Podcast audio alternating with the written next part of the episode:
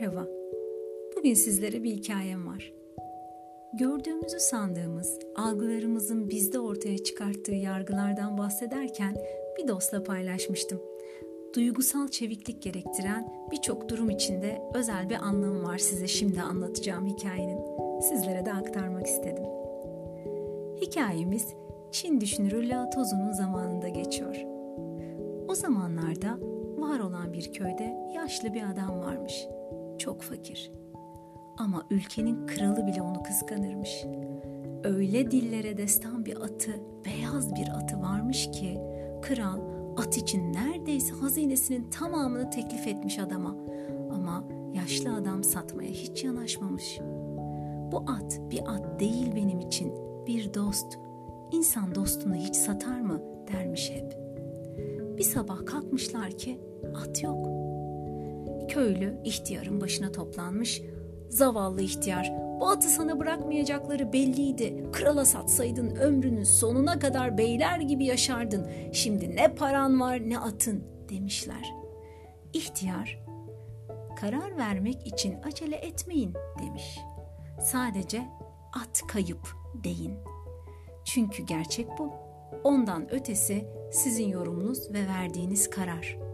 Atımın kaybolması bir talihsizlik mi yoksa bir şans mı? Bunu henüz bilmiyoruz. Çünkü bu olay henüz bir başlangıç.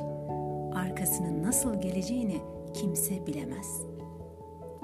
Köylüler ihtiyara kahkahalarla gülmüşler ama aradan 15 gün geçmeden at bir gece ansızın dönmüş. Meğer çalınmamış. Dağlara gitmiş kendi kendine. Dönerken de vadideki 12 vahşi atı peşine takıp getirmiş. Köylüler ihtiyar adamın etrafına toplanıp ondan özür dilemişler. İhtiyar demişler sen haklı çıktın. Atının kaybolması bir talihsizlik değil adeta bir devlet kuşu oldu senin için. Şimdi bir at sürün var demişler.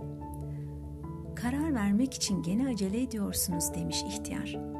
Sadece atın geri döndüğünü söyleyin. Bilinen gerçek bu. Ondan ötesinin ne getireceğini henüz bilmiyoruz. Bu daha başlangıç. Köylüler bu defa ihtiyarda dalga geçmemişler açıktan ama içlerinden ya bu ihtiyar neyin kafasını yaşıyor diye düşünmüşler. Bir hafta geçmeden ihtiyar adamın vahşi atları terbiye etmeye çalışan oğlu attan düşmüş ve ayağını kırmış. Evin geçimini temin eden oğul şimdi uzun zaman yatakta kalacakmış. Köylüler gene gelmişler ihtiyarın yanına.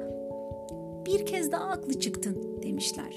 Bu atlar yüzünden tek oğlun uzun süre bacağını kullanamayacak, yatağa bağlı kalacak. Oysa sana bakabilecek başka bir de yok. Şimdi eskisinden daha fakir ve daha zavallı olacaksın demişler. İhtiyar, siz erken karar verme hastalığına tutulmuşsunuz diye cevap vermiş. O kadar acele etmeyin. Oğlum bacağını kırdı. Gerçek bu. Ötesi sizin verdiğiniz karar. Ama acaba ne kadar doğru? Hayat böyle küçük parçalar halinde gelir ve ondan sonra neler olacağı size asla bildirilmez demiş.'' Birkaç hafta sonra ülkeye kat kat büyük bir ordu ile gelen düşmanlar saldırmış. Kral son bir ümitle eli silah tutan bütün gençleri askere çağırmış. Köye gelen görevliler ihtiyarın kırık bacaklı oğlu dışında bütün gençleri askere almışlar. Köyü matem sarmış. Çünkü savaşın kazanılmasına imkan yokmuş. Giden gençlerin ya öleceğini ya esir düşüp köle diye satılacağını herkes biliyormuş. Köylüler gene ihtiyara gelmişler. Gene haklı olduğunu kanıtladın demişler. Oğlunun bacağı kırık ama hiç değilse yanında. Oysa bizim evlatlarımız belki de asla eve dönemeyecekler. Oğlunun bacağının kırılması talihsizlik değil, şansmış meğer. Siz erken karar vermeye devam edin demiş ihtiyar. Oysa ne olacağını kimseler bilemez. Bilinen tek bir gerçek var. Benim oğlum yanımda, sizinkiler askerde. Ama bunların hangisinin talih, hangisinin şanssızlık olduğunu sadece Allah biliyor. Lao Tzu hikayesini şu nasihatla tamamlarmış etrafını anlatırken. Acele karar vermeyin. O zaman sizin de herkesten farkınız kalmaz. hayatın küçük bir parçasına bakıp tamamı hakkında karar vermekten kaçının. Karar aklın durması halidir. Karar verdiniz mi akıl düşünmeyi, dolayısıyla gelişmeyi durdurur. Buna rağmen akıl insanı daima karara zorlar. Çünkü gelişme halinde olmak tehlikelidir ve insanı huzursuz yapar.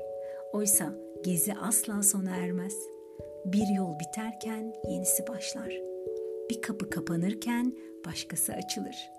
Bir hedefe ulaşırsınız ve daha yüksek bir hedefin hemen oracıkta olduğunu görürsünüz. Kıssadan ise büyük. Varsa payınıza bir sebep olduysa hikayem ne mutlu. Bu hikayeden ne çıkarttığınızı paylaşırsanız bir etkileşim olur ve başkalarına da ilham verir. Yorum ve paylaşımlarınızı beklerim. Hepinize sevgiler.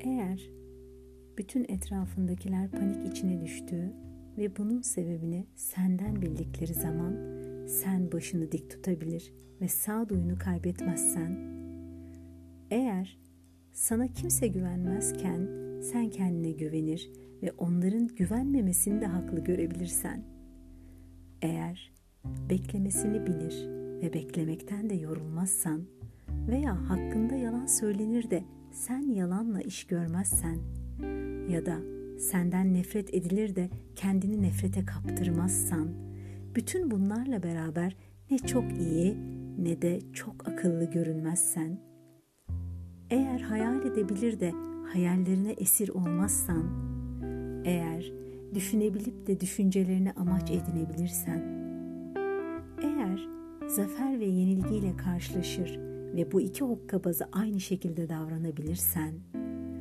eğer ağzından çıkan bir gerçeğin bazı alçaklar tarafından ahmaklara tuzak kurmak için eğilip bükülmesine katlanabilirsen ya da ömrünü verdiğin şeylerin bir gün başına yıkıldığını görür ve eğilip yıpranmış aletlerle onları yeniden yapabilirsen eğer